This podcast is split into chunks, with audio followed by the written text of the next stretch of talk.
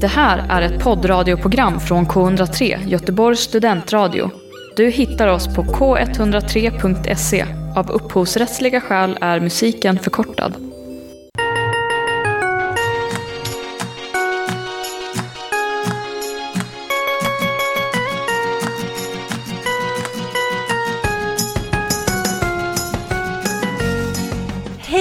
Välkomna till dagens tagning 103. Det är så kul att ni är med oss och lyssnar.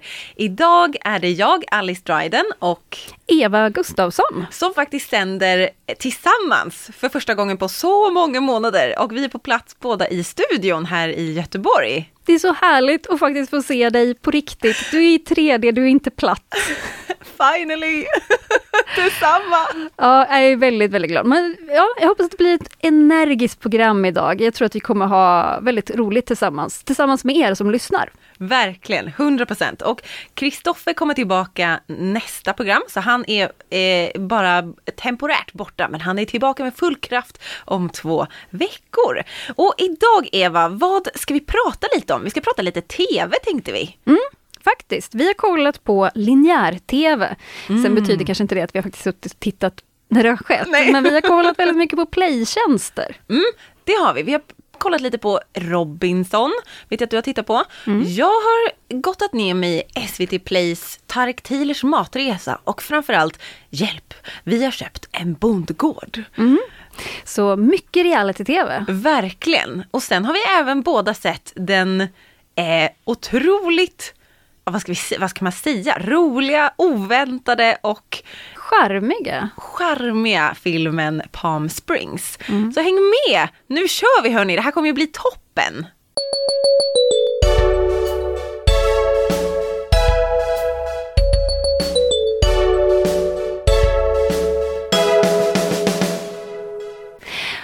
Har ju faktiskt haft två veckor när vi inte har spelat in, utan vi har suttit hemma och tittat och tittat och tittat. Och vad har vi då tittat på? Vad har varit på din skärm, Alice? Jo, jag ehm, blev så taggad för Netflix släpper ju ganska, ja men som Netflix gör, släpper nya releaser lite då och då. Ehm, och då för några veckor sedan så släppte de en, någon form av så Sherlock Holmes, but not really Sherlock Holmes, eh, serie, nämligen The Irregulars. Jag tycker inte att det är ett jättelyckat namn. Nej, verkligen inte. Alltså jag, jag får nästan inga bilder av namnet Irregulars. Jag får att man är irregular, alltså, och det betyder ju att man inte går på toaletten regularly. Så det kan man ju Jaha, säga, I'm a bit irregular. Ja, då är det ett jättedåligt namn. Jag, får bara de bilderna, så varje gång jag kollar på min lista och bara, vad har jag sett? Vad var det? Och så bara, just det. Så jag har behövt skriva liksom den här Sherlock Holmes inom parentes. Men det handlar då om ett gäng ungdomar som inte har några föräldrar. De är fem stycken, bor på gatan i London eh, på 1800-talet och sen helt plötsligt så springer de in i John Watson, Sherlock Holmes bästa kompis kan man väl säga. Och eh, han känner typ igen två av de här barnen, men ingen vet riktigt varför och barnen vet absolut inte varför. Men han är såhär, vet du vad? Du, Bi, som är huvudpersonen, du Bi får hjälpa mig med, du får så här, hitta dem, eh, information som jag inte har tillgång till för att street kids are super clever and can go dit no grown men can go, typ. Alltså är hans... Kommer under radarn, märks inte, syns inte, men är ändå där liksom. Exakt, och det är hans motivation. Fast man fattar ju att det är någonting annat som liksom, he hasn't just asked Eh, liksom a bunch of random kids on the street to help him out. Men eh, det är ju det, det är ju det han går under liksom. Ja. Så då löser de här fem personerna eh, mysterium helt enkelt åt Sherlock Holmes och Watson. Och man får inte träffa Sherlock Holmes, han är ganska liksom mystisk och man får se hans fötter några gånger men inte liksom hela han förrän ganska långt in i serien. Och den är inte så lång, jag tror att den är Undrar om det inte är 10 eller 13 avsnitt sådär. Och de är kanske på en timme. Men jag tycker ändå att den är liksom superbra för att vara, den är lite tonårig i typ såhär romansavdelningen kanske. Men som vuxen så uppskattar jag den ändå. Jag tycker att det, den är ganska läskig. Alltså, och nu måste ni också kanske komma ihåg att det är jag. Så den är kanske, jag vet inte om typ Kristoffer hade tyckt att den var så läskig. Men den är ändå så här att man bara, oh, liksom. Det är bra mysterium och den har liksom det här underliggande mysteriet som tar hela säsongen för att lösa. Vad är det egentligen som pågår? Och är den, eh, alltså känner du att det är svårt att lösa mysteriet eller är den liksom klurig på riktigt? För ibland så märker man ju direkt så här, jag vet vart det här kommer landa. Just det. Alltså, hmm, jag tror att man ändå är så här, okej okay, jag tror att det är på väg åt det här hållet. Och sen får man det kanske lite bekräftat allt eftersom. Men det, men det tar inte luften ur. Utan det är ändå så här, karaktärerna man bryr sig om typ. Eh, och särskilt huvudpersonen då, Bi, som dras lite mellan två olika killar, som hon är så här, vem gillar jag, vad behöver jag i mitt liv?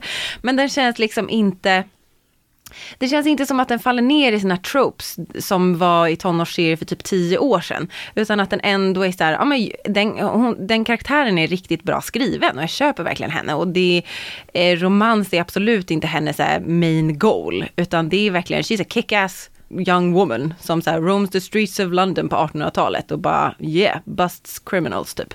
Fast också är väldigt empatisk.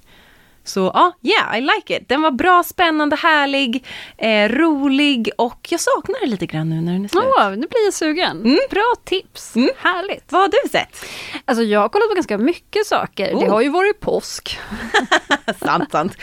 Men jag började med att se sent om sidor den amerikanska serien Atlanta som mm. vi ska prata lite mer om nästa vecka med Kristoffer. Som också sett Atlanta. Ja, och han har sett dessutom dubbelt så mycket som jag har sett, för han har sett två säsonger, jag har bara sett en. Aha. Men det kommer ju mer och vi tänkte vi skulle prata lite om Atlanta inför att det kommer mer, just för att eh, det känns som en serie som självklart har fått mycket uppmärksamhet och vunnit priser, men ändå är riktigt är liksom den här som folk pratar så mycket om här i Sverige. Mm. Uh, och den är ganska speciell, tycker jag, i sin, liksom, hur de har satt samman den, vad är det för historia man berättar. Så ja, en treat. Den ska vi prata om nästa vecka. Yay! Sen har jag kollat på den, jag har börjat kolla på, jag är inte helt färdig, jag har börjat kolla på den fjärde säsongen av Search Party. Som också är en serie som eh, jag tror inte har fått jättemycket uppmärksamhet. Nej. Den rör sig runt fyra stycken vänner där huvudkaraktären spelas av eh, Elia Shawkat som man till exempel har sett i Arrested Development. Ah. Mm. Som Maybe. Eh, men eh, här spelar hon Doris Seaf. Och det här är en serie som utvecklas väldigt mycket eh, åt ett håll som man inte har någon som helst aning om att den kommer göra. Mm. Eh, så varje säsong är ganska olik, men själva upprinnelsen är först och främst fyra supersjälvabsorberade personer i sina mid-twenties i New York. Ja, lite girls vibe typ, eller? Verkligen girls vibe, men, men mycket mer att de här personerna är, är uh, alltså det är, hennes kompisar är, förutom att hon har en lite lågmäld och han ska väl vara lite the straight guy, men han är fortfarande jävligt självcentrerad. Hennes pojkvän ska vara liksom så här, den ganska glasögonkillen som ska vara lite ja, smart och lite lugnare. Men sen har hon den superhispiga gaykillen som mm. kompis och okay. den supersjälvcentrerade eh, tjejen som är, ska bli skådespelerska och är liksom så här bara amazing på allting. Liksom. eh, och de är, alltså, de är så här vidriga människor alla fyra, men de är också ganska roliga att titta på och de har verkligen sina stunder. De ger sig in i ett mysterie där en gammal college-bekant till dem plötsligt är eh, missing. Mm -hmm. Chantal, deras, eh, de var liksom aldrig vänner med henne men de vet vem hon är. Plötsligt ser de hennes ansikte på posters i stan. De bara så här, hon är borta, vart har hon tagit vägen? Så då försöker de ta reda på vart har hon tagit vägen. Och det här leder dem på en fruktansvärd resa till många olika konstiga delar av världen. Eh, men samtidigt också eh, som gör att till exempel säsong tre är en rättegångshistoria. Eh, och säsong fyra nu är ett gisslandrama, oh mer eller mindre kan man säga.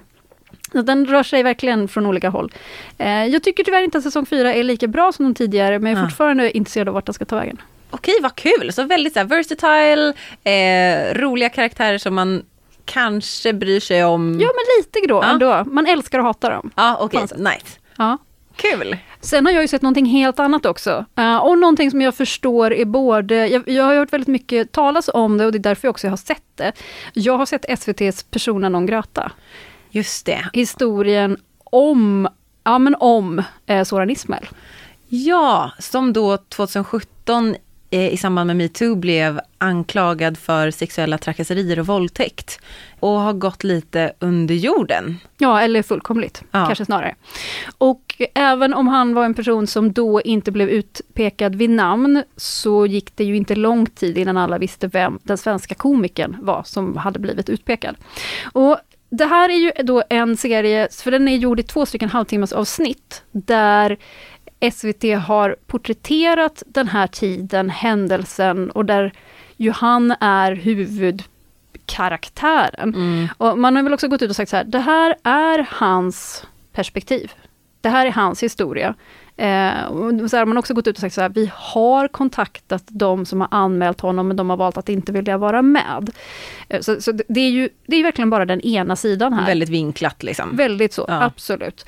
Och serien har ju då fått kritik för att man ger den ena sidan ett sånt otroligt utrymme som det ändå är att plötsligt få totalt en timma på SVTs kanaler där Mm. man får prata om sin sak. Liksom. Mm. Och jag, jag kan verkligen se problematiken i det här, men jag var ändå intresserad. Så här, jag kände att jag vill höra den här historien och jag vill se hur de, hur de bygger upp det här. Hur Mm. berättar de det här? Vad får man veta, vad får man inte veta och så. Typ så här hur de berättigar kanske också, lite grann. Eller gör de ens det? Alltså berättigar den här sin existens på något sätt, på ett trovärdigt sätt. Inte bara så här, ja, Soran Ismail ville berätta om vad han hade varit med om.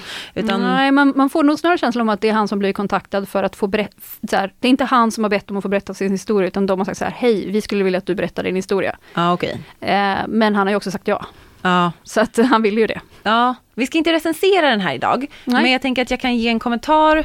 ehm, för jag har valt att inte se den här för att jag tycker att det känns väldigt obalanserat. Jag tycker inte att, för så som de tar upp då i serien som jag förstår, så är det ju att den här rättegången har blivit nedlagd. Han har inte blivit liksom friad för att det fanns inte tillräckligt många bevis för att det skulle gå ens till rätten. Nej. Så ja, för mig så finns det fortfarande lite för mycket frågetecken för att jag, för att jag vill ge den liksom utrymme, dels för min egen tid men också för att jag kanske inte, ja men det här kanske inte är det jag hade hoppats att SVT skulle göra med skattepengar kanske. Att ge utrymme till någon som inte är officiellt friad utan det kvarstår ändå frågetecken. Mm. Och har också anmält sin har anmält, kvinnan som har anmält honom då, har han i sin tur anmält för förtal. Så det, jag tänker att det är en komplicerad fråga, så jag har valt att inte se den. Mm, Ehm. och det har jag full förståelse för. Eh, och jag tror att jag kände att jag ville titta på det just för att se hur det gjordes. Mm. Eh, och när jag väl hade sett det så var det så här, ja, det, vissa delar kan jag tycka är helt okej gjort, andra delar är inte alls okej gjort. Mm. Eh, men det kommer ju inte ifrån det faktum att det blir väldigt obalanserat, både i hur själva verket är, Mm. Men också det faktum att det finns och att det bara är den ena sidans historia. Mm. Eh, och den, då är det så här, ska det finnas, ska det inte finnas? Det är en ganska stor fråga och jag är inte helt säker på vad jag tycker där. Nej. Eh, men jag valde att se det och jag är ändå, jag är nöjd med att jag såg det. Ja. Så att, ja. Ytterligare en av alla saker som passerat på min skärm.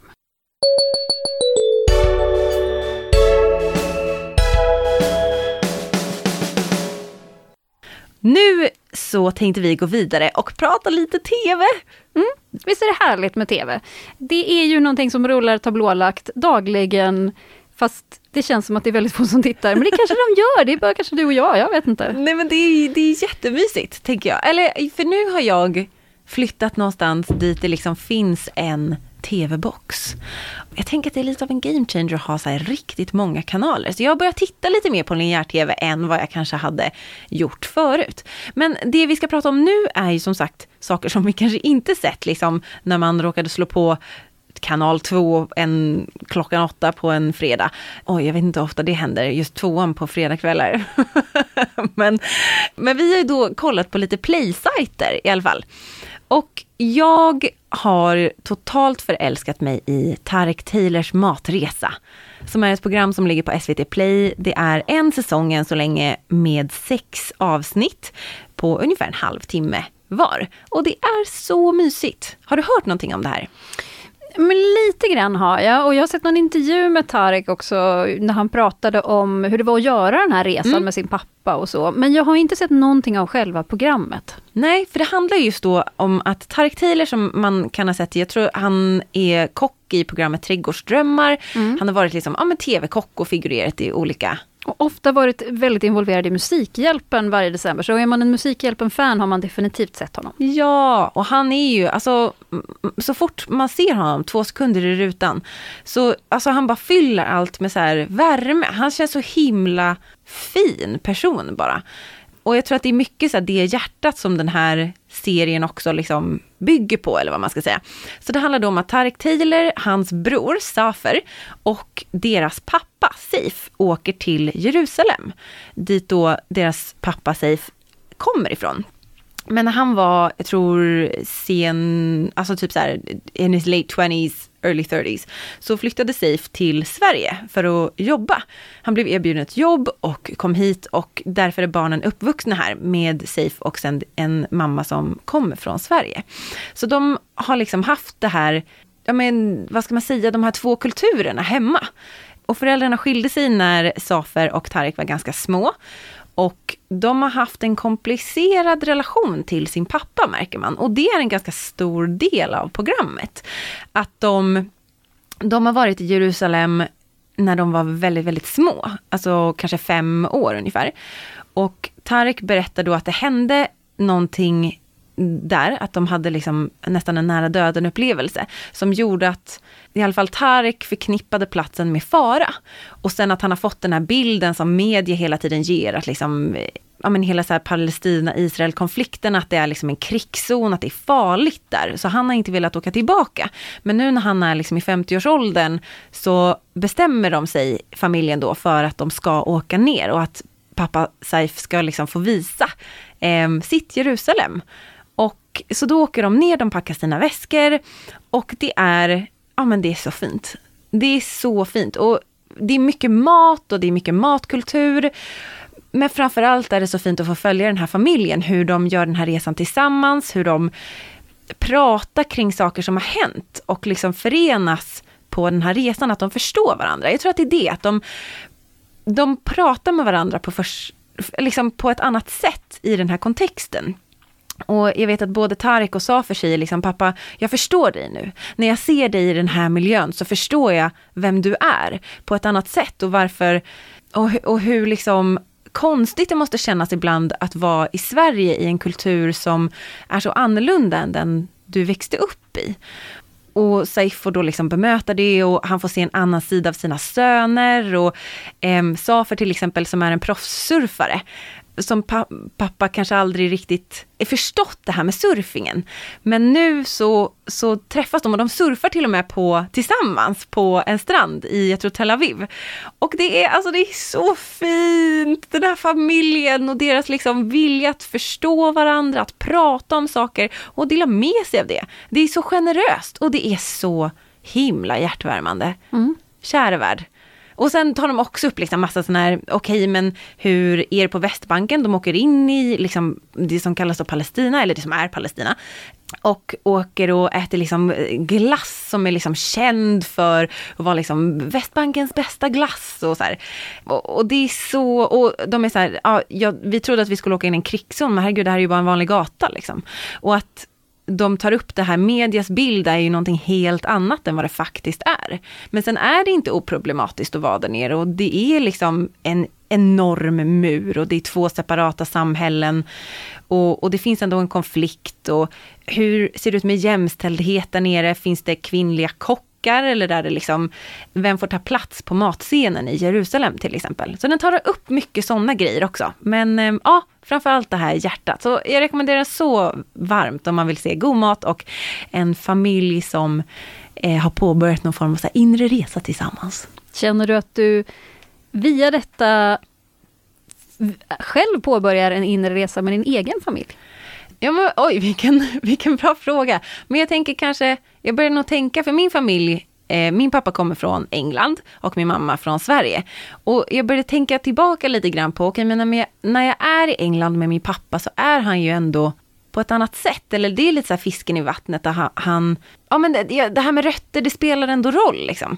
Och spelar in i vem man är och, och, och hur man hur man förhåller sig till andra människor. Så, ja men kanske. Och framför allt det här hur fint det kan vara att hitta en förståelse för sin familj och att det, det behöver inte vara linjärt. Eh, utan det är krångligt och komplicerat men, men det kan vara fint ändå, bara man orkar eller tar sig tiden kanske. Mm. Viktigt. Verkligen. Håller med. Den finns inte där per automatik. Nej, precis. Och nu till någonting helt annat. ja, det är ju också relationer och nästan en bildning av familj, men eh, på ett helt annat sätt och på väldigt kort tid. Och en ganska ovanlig miljö, för jag har tittat på Robinson. Yeah. Pakternas pakt-program. Ja, nej men det är ju dags för ny sång av Robinson och jag är en ganska trogen Robinson-tittare. Mm. Det är nog den enda dokusåpa som jag tittar på genom åren, vet inte om jag tittar på så mycket annat. Jag har liksom aldrig kollat på Big Brother eller Farmen eller Bonde söker fru är väl kanske också en dokusåpa. Jag vet inte riktigt hur man... Ja, ja, eller det är ju drama och intriger. Ja, precis. De är många och sen blir de en. Förhoppningsvis, eller jag vet. Men eh, ja, nej, Robinson har alltid varit min grej. Och jag tror mm. att det är just den här utmaningen, eh, men samtidigt också intrigerna som är lite roligt tanken av att tänk om man själv skulle kunna göra det här. Jag skulle aldrig göra det där. Mm. det vet jag ju. I år är det ju annorlunda. Man har ju mm. lämnat Fiji. Det har ju varit många olika typer av ja, paradisöar i olika länder genom åren, men nu så är det ju svårare att resa och därför har man valt att vara i Norrbotten. Jaha, ja. nämen! Så det är inspelat i Norrland och det ger ju lite andra förutsättningar. Mm -hmm. Där det då till exempel är i vanliga fall så är det också jävligt kallt ibland. Alltså bara för att man är på Fiji så är det inte varmt igen. Det kan vara fruktansvärt kallt på nätterna till exempel. Men nu är det ju kallt på ett annat sätt när man är i Norrland. Även om man ser att de har soliga dagar så så är det liksom, de är inte så sugna på att gå i vattnet. Men vilken säsong är det? Är det på vintern eller sommaren som den är inspelad? Åh, det är ju inspelat på sommaren. Ah, okay. Ja, det är det. ja, nej, annars hade det nog kunnat vara så här, ja då, och nu är de döda. Exakt, they froze to death. ja, nej, och, eh, och det gör ju också till exempel att det är väldigt mycket ljus, för att det är ju som det är ju eh, sommartid och ja. de har inte så mycket mörker däremot på det sättet. Nej. Men eh, det som har varit, de försöker ju göra det så att det blir annorlunda lite grann, så att det inte bara ska vara exakt likadant, att deltagarna ska kunna förvänta sig vad som händer och sådär.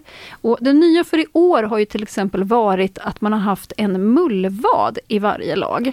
Jaha. Det vill säga att man startar med ett lag och sen så visar det sig att det finns en person i varje lag som har fått instruktioner så här, Alice, du tillhör egentligen det andra laget.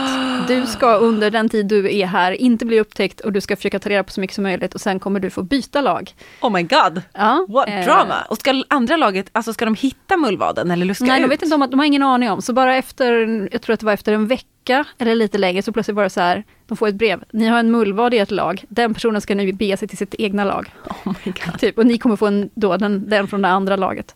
Eh, och det var väl någonting som en del hade ganska stora problem med och tyckte så här, Åh, din svikare!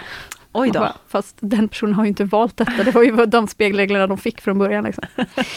Men eh, ja, det är fortfarande Anders Övergård som är programledare, som jag har varit i några säsonger nu, det vill säga Arga snickaren. Aha! Mm. Jag kommer ihåg när Anders Lundin var programledare, det var mm. ju way back. Det var it way back.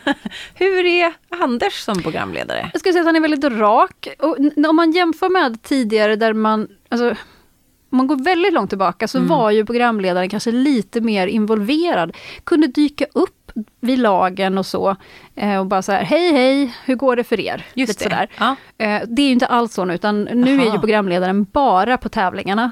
Och eh, i övrigt, och, och, och överråd, och annars så träffar de ju aldrig den. Så den är liksom mer eller mindre som en spelledare bara. Hur funkar det då? Alltså blir det fortfarande liksom personligt eller vad, vad, för du nej. som har sett det länge, hur ja, påverkar nej, det? är inte det? så personligt. Man märker att de ju mer har så här eh, de, det blir lite som att det är barn som kommer till den stränga läraren. Mm. Att det är bara så här, jag ger instruktioner, det finns inget utrymme för frågor. liksom. ja. Ut så. Eh, men det, det, blir ändå ganska neutralt, det funkar och man märker ju också att till exempel på öråd så är det ju, då kan han ju ändå ställa frågor som man vet så här, okej, okay, han har fått de här frågorna från teamet så här. Ja. Typ de där är osams och så här. Mm. Och att han, han är ganska bra på att call out saker som har legat och puttrat. Bara så här, Mm. Varför är du aldrig med de andra? Hur mår du? Eh, liksom så här, är de taskiga mot dig? Men känns det som att deltagarna då blir så här, men vem är du att ställa de frågorna? Eh, Alltså eftersom han aldrig besöker dem. Eller Nej, jag tror det att funkar? de köper. Det har varit så ändå under några säsonger också, att Ah, programledarna har varit ganska frånkopplade resten av gruppen. Liksom. Mm. Jag tycker överlag att det är en ganska eh, helt okej säsong. Det är kul att det är någonting annorlunda och eh, ganska okej lag. Liksom så här. Och, mm, jag tycker att de senaste åren har det också varit ganska mycket människor som är så här, de är inte så galna. Ett tag så var det mycket så här, man märkte att de har ju bara valt de konstigaste människorna och satt Åh, dem i en nej. grupp. Ja. Men nu känns det som att det är rätt mycket vettiga människor. Nice. Eh, så att det, är ganska trevligt att titta på. Liksom. Mm. Det Ja. blir inte så att man sitter med is i magen och bara what the fuck is gonna Nej, happen? det rullar på ganska. Det är trivs, trivsel-tv. Jag tänkte också en annan serie som jag har totalt fastnat för. Som jag såg, alltså jag såg två säsonger på kanske tre dagar. Det är, visserligen är säsongerna inte så långa, jag tror att det är kanske 8 till 10 avsnitt. Men alltså den var så mysig och det är Hjälp, vi har köpt en bondgård. Ehm, och den finns också på SVT Play. Och också väldigt liksom tv-aktigt format eller vad man ska säga. Den är gjord för tv liksom. Gud ja. Alltså, ja precis, det är, det är lite i stilen av att det är lite reality men samtidigt bara mystrivsel. Exakt. Och, eh, och och att man ska lära sig någonting litet fast egentligen lär man sig inte speciellt mycket. Det är, man försöker lite som att det är, här, det är inte ett äntligen hemma, så här gör du saker hemma. Eh, och det är heller inte att vi, alltså det är ju inte riktigt dokumentärt heller. Nej, det är väldigt, eh, det har du verkligen rätt i. Det är en salig blandning liksom. Mm. Det är lite så här, det är inte så mycket så här kan du göra, men det är mycket så här, så här gör vi. Men sen ibland så har det ju hoppat också, och då har de redan gjort Alltså du vet, så, här, ah, och så gjorde vi det här för en månad sedan och nu ska vi fortsätta. Så man får liksom kanske inte se hela processen alltid. Min känsla är ju lite grann att det är en filmad version av ett Instagramkonto. Aha, du känner så. Mm. Jag... Oh, det var en intressant tagning på det hela. Lite kanske, men om det hade varit... Ja, okej, ja men lite grann kanske. Men de måste ändå säga att Instagram som koncept är ju ganska så här förskönande. Och man ska bara se liksom det fina och till viss del så gör man ju det. Men jag tycker faktiskt inte att de skönmålar allt. Utan det är liksom för hela serien handlar då om Britta Zackari Wahlström och Kalle Wahlström som är ett par som har jobbat mycket inom så här PR och media i Stockholm. Och Britta kommer från Umeå och Kalle från Stockholm, liksom. eller strax utanför Stockholm tror jag han är uppvuxen. Men båda har bott i Stockholm en längre tid. Så jag tänker på dem som typ så här Stockholms profiler kanske lite. Och båda rör sig i mediesammanhang och har skrivit böcker och Kalle har haft flera tv-serier om till exempel träning som har gått tidigare på SVT. Han har haft ett jättebra program som heter Gympaläraren som jag verkligen fastnade för för typ fem år sedan. Och Britta har ju en podd tillsammans med Parisa Amiri och har även lett Musikhjälpen till exempel. Just det. Ja, så de är, de är ju medieprofiler kan man väl säga. Och nu har de då bestämt sig för att överge radhuslivet i Stockholm och köpa en bondgård några timmar utanför Stockholm. Och hela programmet handlar liksom om, ja men vi, vad, vad håller vi på med? Liksom, hur, hur gör man?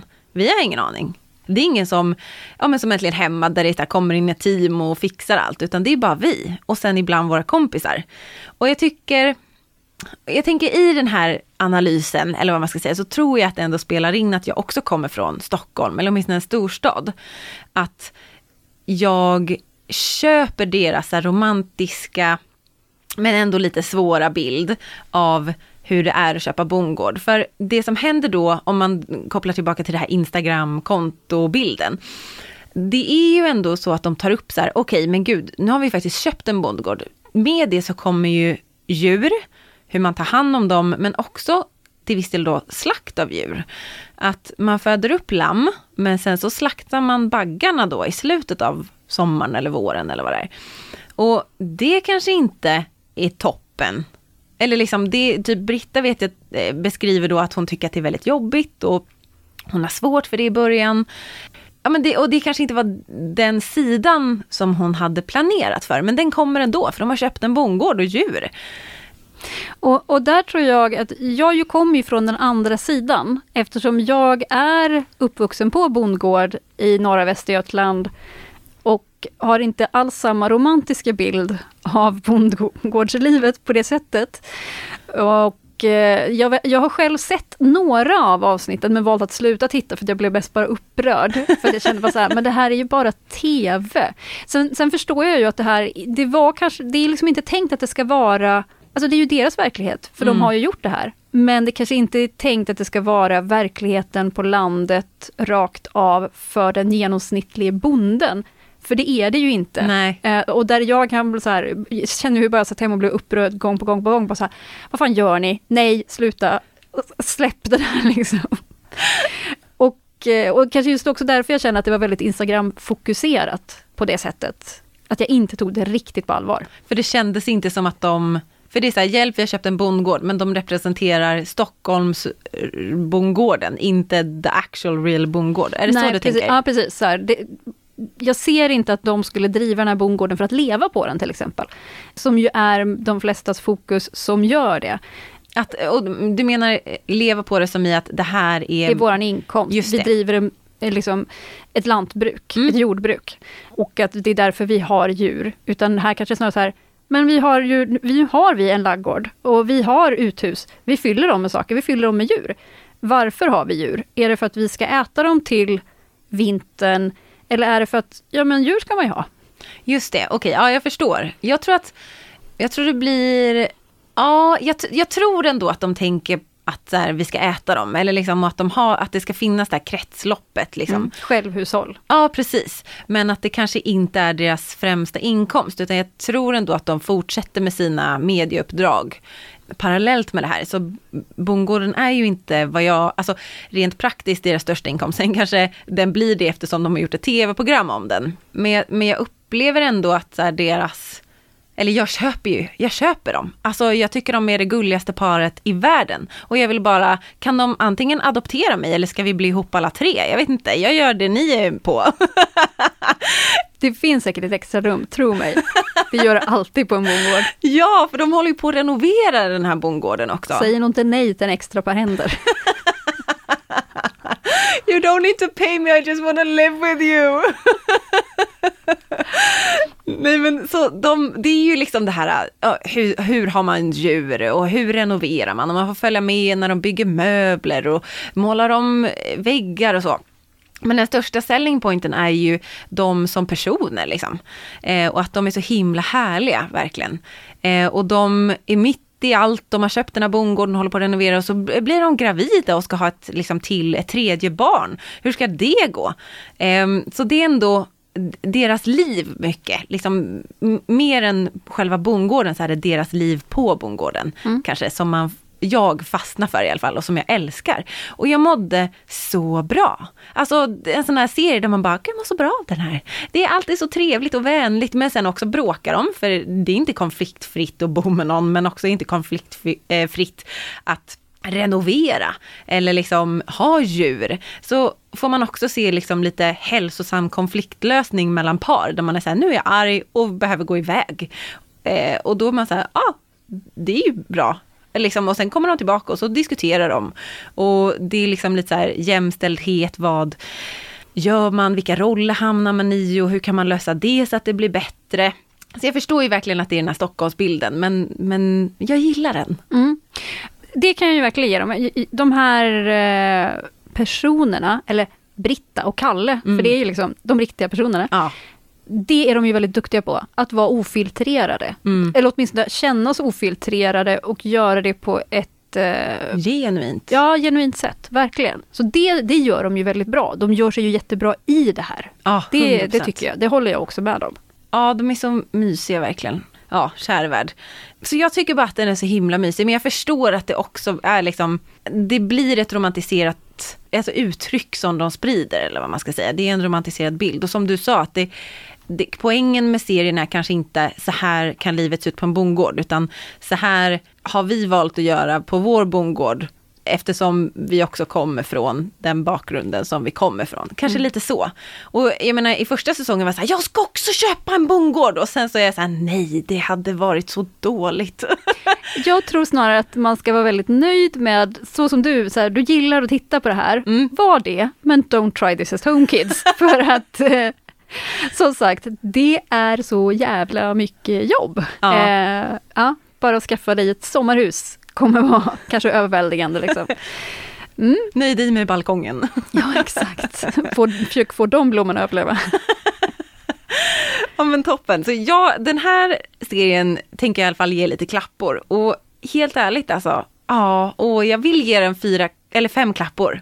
Tror jag. Men den har lite liksom, jag kan ge en stark fyra klappar i alla fall.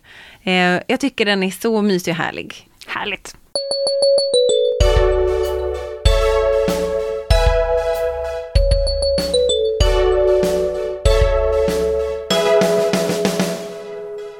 Tagning 103 har tittat på film också denna veckan, inte bara TV. Och det har varit filmen Palm Springs som både jag och Alice har hyrt i gammal old fashion stil. Den finns på SF Anytime. 100 procent, där ligger den. Och Palm Springs är en film som ju har en del likheter med den gamla klassikern Måndag hela veckan. Det är nämligen en film som är en enda lång loop, skulle man kunna säga. Mm, samma dag hela tiden. Där eh, vi har två stycken bröllopsgäster kan man väl säga. Som eh, möts på ett bröllop i Palm Springs. Där de eh, varje dag upplever den här bröllopsdagen men sen så somnar de och vaknar till samma dag igen. Och det är ju lite av en mardrömssituation, börjar det väl med i alla fall. För vi har Andy Samberg som ni kanske känner igen från Brooklyn 99. Han spelar Niles som är den manliga huvudkaraktären. Och han lever liksom i den här loopen, han har gjort det riktigt länge. Ja, oklart länge. Man kan liksom inte ens, det, det- framgår inte, men eh, riktigt länge. För han åldras heller inte i den här loopen, så att han är bara, han kan ha varit där i, jag vet inte. Tio år typ. Ja. Alltså det hade kunnat Länge, vara länge. hur länge sedan som helst. Men han möter ju då Sarah, och Sarah är syster till bruden. Precis, och hon spelas av Kristin Milioti. Ehm, det där var nog inte en, eh, jag slammade kanske hennes efternamn där, men, men hon, de, precis, de, they meet at the wedding, they make out. Ehm, hon är ju då inte, hon är inte fast i den här loopen än. Medan Niles är det. Men sen händer det någonting i öknen och Niles går in i en grotta och Sarah följer efter och sen så blir hon fast i den här evighetsloopen. Mm. Han bara, följ inte efter mig och hon bara gör det ändå. Sen är det kört. Ja, I den här loopen finns även Roy som spelas, med, spelas av J.K. Simmons, den fantastiska skådespelaren. Ikon. Mm, verkligen. Han är så arg ofta. Han hatar Niles i den här filmen. Det är lite jobbigt för Niles för att han eh, försöker undvika att träffa Roy för att han är så jävla arg. Roy, yeah, he has a problem. Och i en sån här film som då fokuserar på just att det är samma dag hela tiden men där då karaktärerna försöker göra olika saker så är det ju väldigt upplagt för att kunna göra egentligen vad som helst och verkligen vilka konstiga saker som helst. För när man själv då hela tiden möter samma människor och man vet exakt vad de kommer säga för att de, det är det de säger. Så eh, får man ju roa sig bäst man kan. Antingen att man, jag vet inte, jobbar på att försöka dejta alla på bröllopet en efter en. Eller att man försöker vara så rolig som möjligt eller så utmanande som möjligt. Att man försöker kanske åka därifrån, det spelar ingen roll, du kommer ändå vakna upp på samma plats även om du tar dig därifrån. Eh, och bara underhålla dig bäst du vill. Försöka dö på massa konstiga olika sätt. Ja, jag tror att eh, Niles i alla fall har ju provat det allra, allra mesta. Och han har ju funnits i den här situationen. Men sen så blir det ju annorlunda när Sarah också hamnar där. Och ehm, utan att spoila för mycket, men de går ju igenom the motions together. Alltså det är ju liksom den här What am I doing here? Och liksom okej och sen så är det lite den här okej let's just fuck it and do whatever we want. Och så är det den fasen och sen så eftersom det ändå ska finnas någon form av dramatisk båge eller dramaturgisk båge så känner i alla fall Sarah att I need to leave. This cannot be my life. Ehm, och det jag tycker är kul är att i många av de här filmerna eller serierna som har sådana avsnitt, så ibland kan det ju vara så här, men man undrar lite grann, kommer de ta sig ur det här? Hur kommer de ta sig ur det här? Kommer det vara så här, uh, oh we need to be better people in order to get out? Eller kommer det vara så här, no we need to find the button and push the button? Eller liksom, vad, vad kommer det vara för typ av lösning? Liksom? Om det, alltså, och det vet man ju inte ens om det kommer en lösning. Eller vi vet ju, men ni vet kanske inte. Mm. Så jag tycker ändå att den har, den är smart, den är rolig, den är charmig. De det blir ju liksom lite av så love interest, så den är flörtig och romantisk. Ja, jag tycker att den har allt och den är så oväntad. Mm. Jag tycker också att eh, Miliotti och Sandberg är i sina essen här. Alltså de är så sjukt bra i sina roller och eh, de är både fruktansvärt roliga men också trovärdiga. Alltså, de känns... Eh, mm, alltså att det kan vara allvarligt också. Ja, they bring their A-game, verkligen. Mm. Att det är liksom kul och så här, mm. eh, men det är också deep talks och existentiella problem. Mm. Ja men de tar upp det väldigt, utan att liksom tappa kärnan i det här charmiga, men fortfarande att de vågar vara allvarliga men de vågar också vara flamsiga. Har också ett ganska stort persongalleri med relativt kända skådespelare som spelar de här bröllopsgästerna. Där till exempel Peter Gallagher spelar pappan, eh, Meredith Hagner spelar eh, Niles flickvän som han vaknar upp med varje morgon. Som han också vet sen kommer cheata på honom. Ja, varje dag. Varje dag och vakna upp med det och bara My girlfriend's gonna cheat on me today as well. Jajamän. Meredith Hagner är ju dessutom en av de fyra personerna i eh, Search Party. Hon spelar the drama queen actor. Nej, vad kul! Eh, fruktansvärt rolig. Och sen har vi också Camilla Mendes som ju då spelar systern, den som ska gifta sig. Just det. Mm. Och hon ska gifta sig med Taylor Taylor Haflin.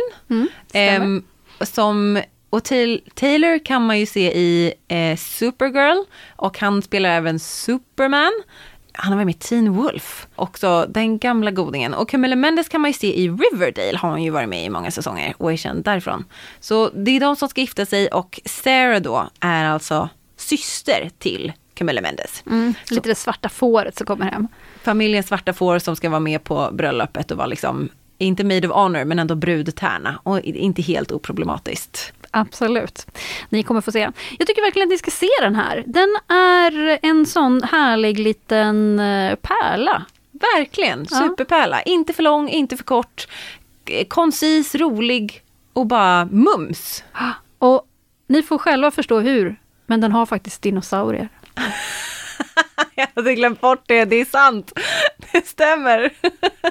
så missa inte den. Den är regisserad av Max Backov som ju inte har gjort så mycket annat. Så jag har höga förhoppningar om att det kommer komma en lång rad härliga filmer från honom. Jag hoppas på det. Ja, gud, det håller vi alla tummar för. Om det börjar så här bra så, jag menar, how can it end except for amazingness? Mm -hmm. Vad hade du gett den för betyg? Alltså en stark fyra. Ja, oh, det är två starka fyra här ja, idag. Ja, verkligen en stark fyra. Gud, håller du med? Jag håller helt med. Bra film, bra tv-serie. Vilket tagning 103 vi har haft. Verkligen! Vi har pratat om allt från Tarek Taylors matresa till Robinson, men också hjälp, vi har köpt en bondgård som Alice gav fyra stycken klappor. Yeah. Vi kommer tillbaka om två veckor med ett nytt avsnitt och då har vi Kristoffer med oss igen. Yay! Du kan lyssna på våra program här på K103 Göteborgs studentradio på fredagar klockan 13 men också på söndagar klockan 13 där det går i repris på 103,1 MHz. Och så finns vi på Mixcloud och vi finns självklart också där poddar finns. Du kan följa oss på Instagram, då heter vi tagning103, rimligt. Och vi vill också självklart tacka Noah Gren för den härliga musiken.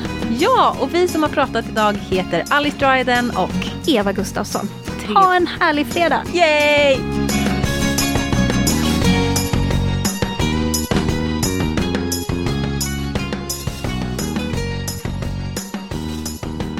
Du har hört en poddradioversion av ett program från K103. Alla våra program hittar du på k103.se. Följ oss gärna på Facebook eller på Instagram. Vi hörs!